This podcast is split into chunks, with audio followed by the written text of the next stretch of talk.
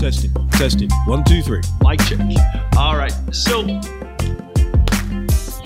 welcome to this special episode of Future Podcast. I'm really excited about our guest today.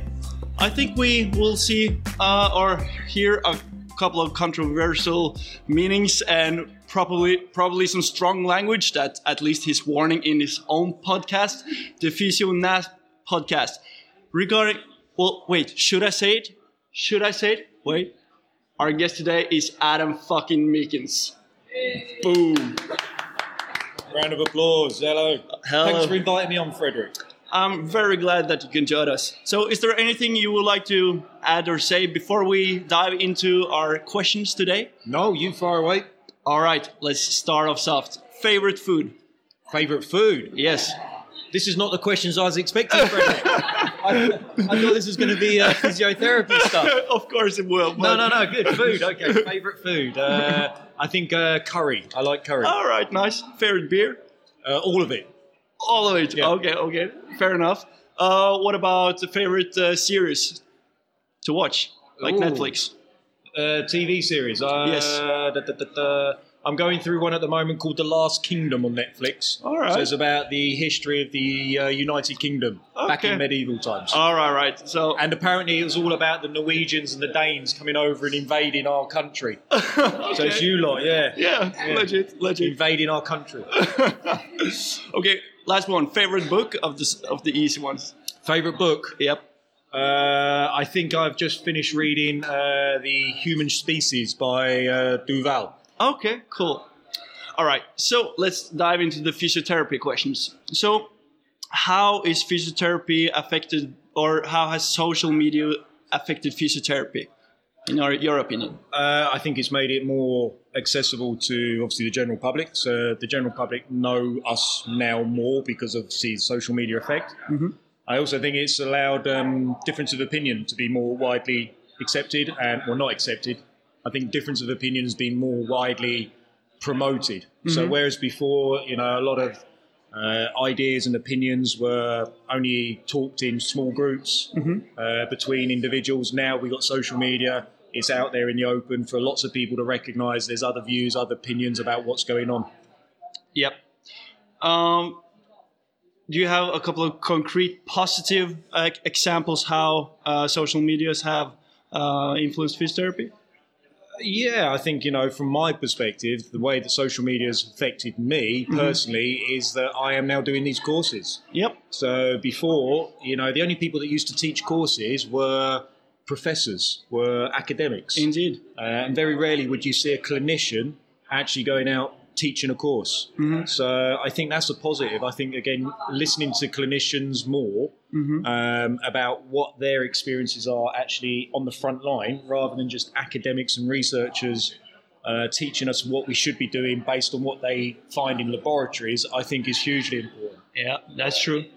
On the social medias, there's a lot of like, don't do this, don't do that. Why do we focus so much on the don'ts?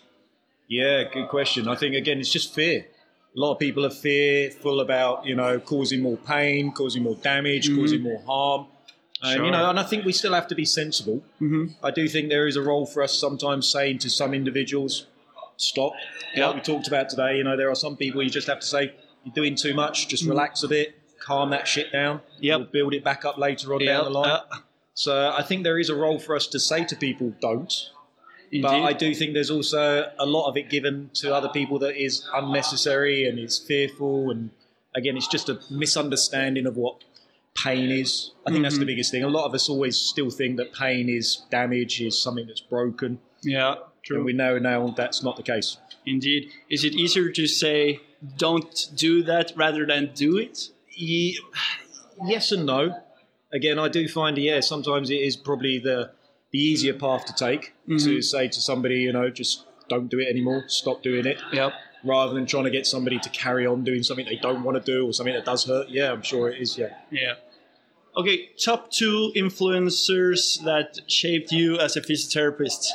Top two. Yep. Uh, well, I think going way back in my early career was Louis Gifford. Mm-hmm. So Louis, back in the sort of early 2000s, uh, had a huge influence. I'd just say I went on one of his courses, and he basically he gave me the faith that physiotherapy could be a profession for the good because I was very disillusioned with it. In my early career, when I graduated, I, I almost stopped being a physio. I thought I'm going to try and find something else to do because I really didn't enjoy it.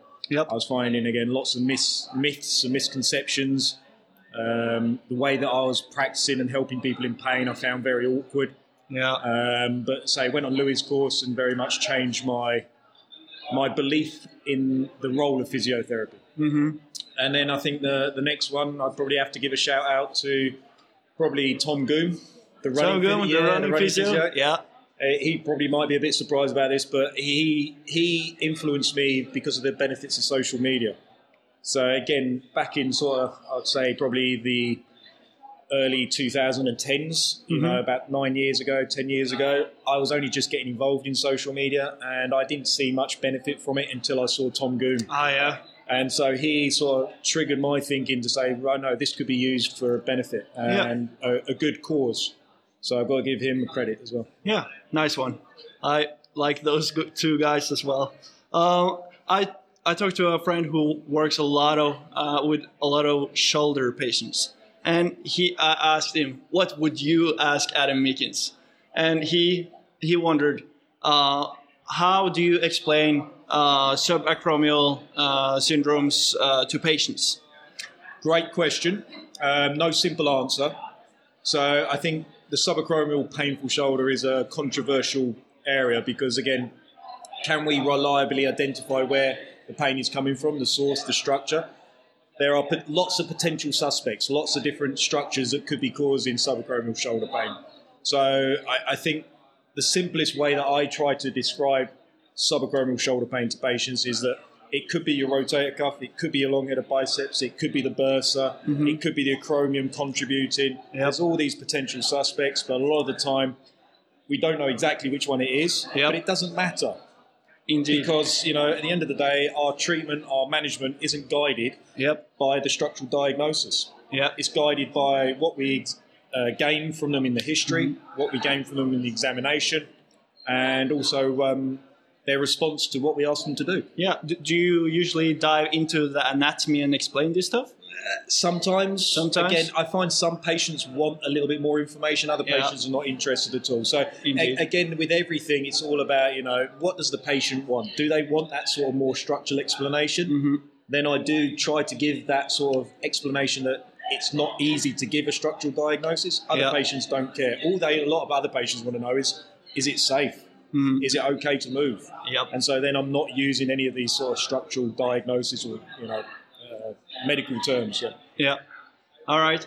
I think it's time to do a cheers. Do you know how to say it in Norwegian? Uh, skull. Yes, sir. Okay. Skål. Skull. Cheers.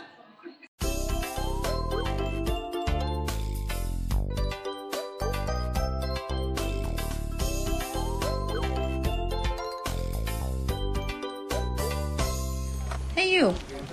I'm going to let you in on a little secret. In your workplace, there is no correct sitting posture.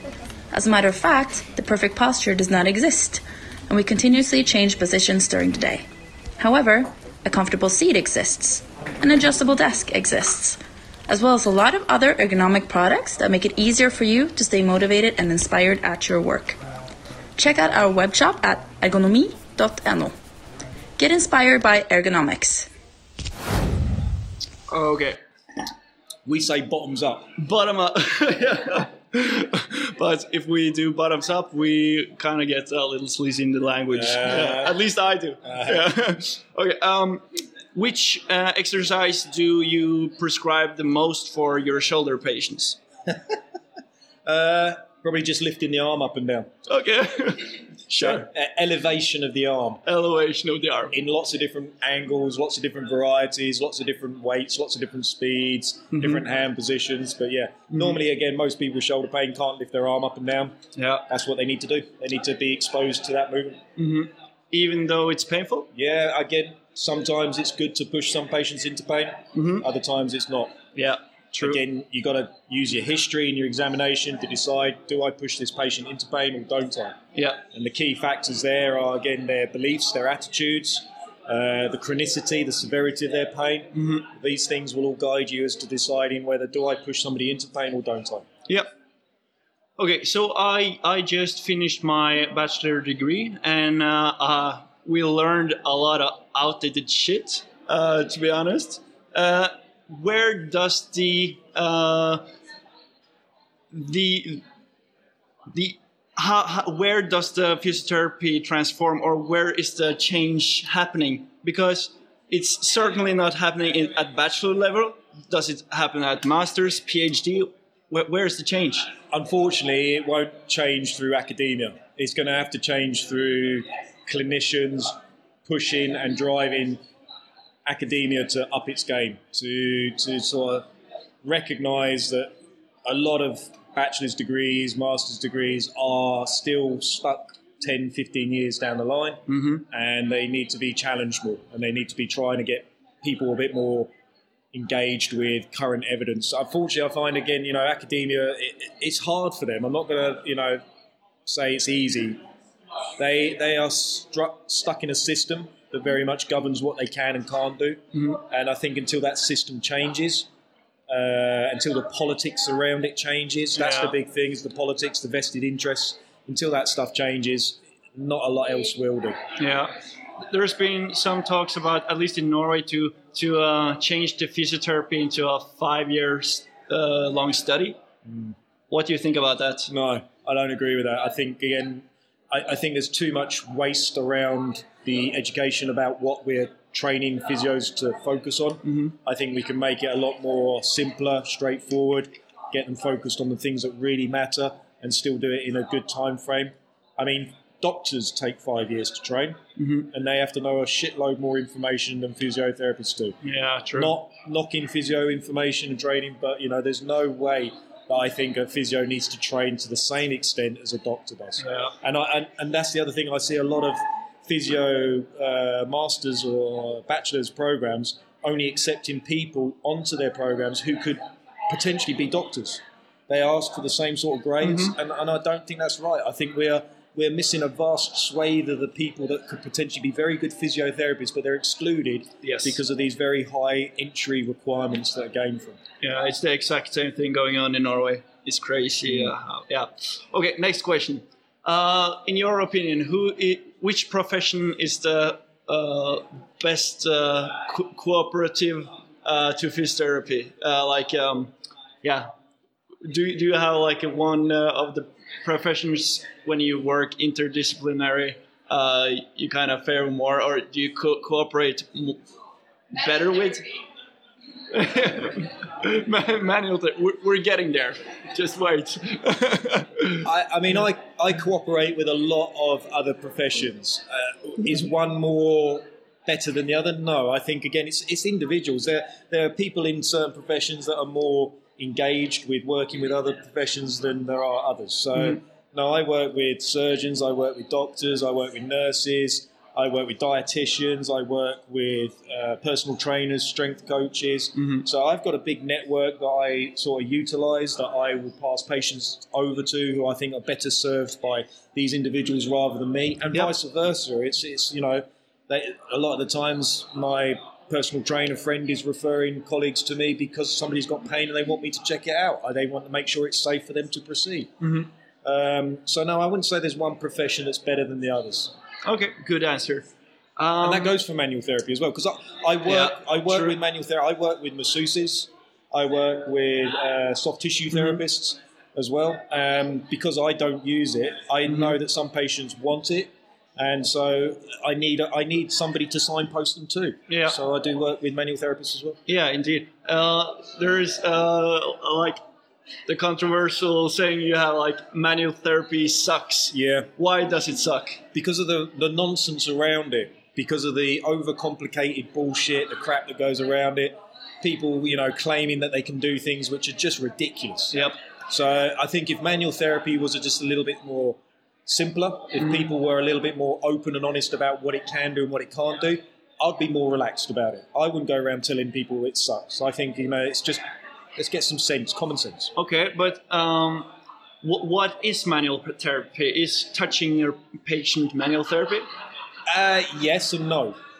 So you do need to touch patients. I think you know you, we have to examine them thoroughly. Yep. And part of the examination is palpation. Mm-hmm. So we need to do the basics well. We need to make sure that when we palpate people, there's nothing broken, there's nothing deformed, Yep. there's nothing that's hot or swollen.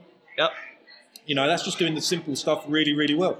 So, and that matters to patients when we touch them. We need to make sure that we give that patient the the reassurance that we've examined them thoroughly. Yep. And part of that is touching somebody. Mm-hmm. The amount of times I, I hear a patient tell me that the doctor or somebody didn't even ask them to undress the area, they didn't even look at it. Oh yeah. Yeah, they've just passed them on to somebody else or referred them. They didn't examine it. Hmm. So I think palpation is important, but do we have to use manual therapy as physiotherapists? No. Our profession is not dictated or governed by our interventions. Do we always have to use electrotherapy with our patients? Do we always have to use exercise therapy with our patients? Well, uh, yeah, maybe it depends. My depends. bias, my bias is yes, okay, but Yeah. you know, technically, I would also say that falls under the same remit. Mm-hmm. Our physiotherapy is a profession to help people in pain to move more. Yep. Mm-hmm. So we do have to encourage movement, but you know, do we always have to use exercise to get them to do that? Mm. Yeah, good point. Do you go to physio- physiotherapy if you're in pain? No, Why?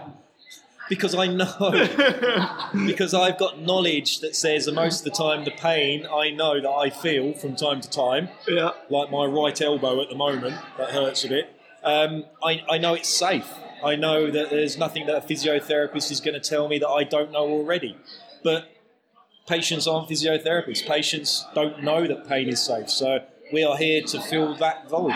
Yeah. But yeah, if I I had had a few physiotherapy patients, I am a little bit concerned when a physiotherapist is coming to see somebody else for their problems. I'm like, what's your problem? Okay. Why, why aren't you able to self evaluate and self assess and self manage yourself? Yeah. Mm-hmm. Yes, I know. There is a wide spectrum of physio- physiotherapy, though. Like uh, a, a person who's been uh, practicing in a hospital with lung physiotherapy for 30 years Yeah. don't know these things, uh, you Ah, know, okay. as good. But Yeah, okay. but but still, I, I- get your point. Um, so, what's the coolest thing about being a physio?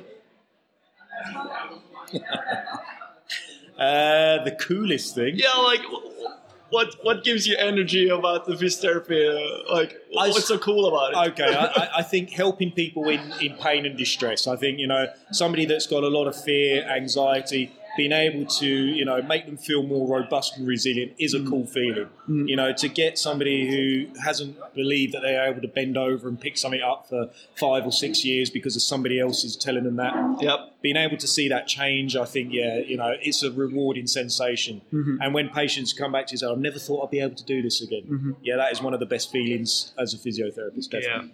Yeah, indeed. Yeah. Okay, last question. Uh, if you were to choose all over again uh, your study, your what focus you had during your uh, study time, what what would you choose today? Like in retrospect, now you know, uh, based upon That- what you know today. That is a great question. And, uh, and I, I have thought about this a number of times. And I think if I'm being honest, my, my profession that I probably would have gone into now if I could go back would be something outdoors. It would be something in nature. And so I'd probably say that I would probably be in a tree surgeon okay. or working in the forestry commission. Oh, nice. So I've got a friend who does that, and Mm-hmm. I've done a couple of weekends helping him out, and I have found myself thoroughly enjoying it. So, yeah, if I could go back and do it all over again, I would probably say I'll be a tree surgeon. Great answer. Okay, uh, I want to give the opportunity. Do you have any questions? If you if you have any questions, I'll repeat it into the microphone and ask it. I can ask. Okay, a question. Yeah.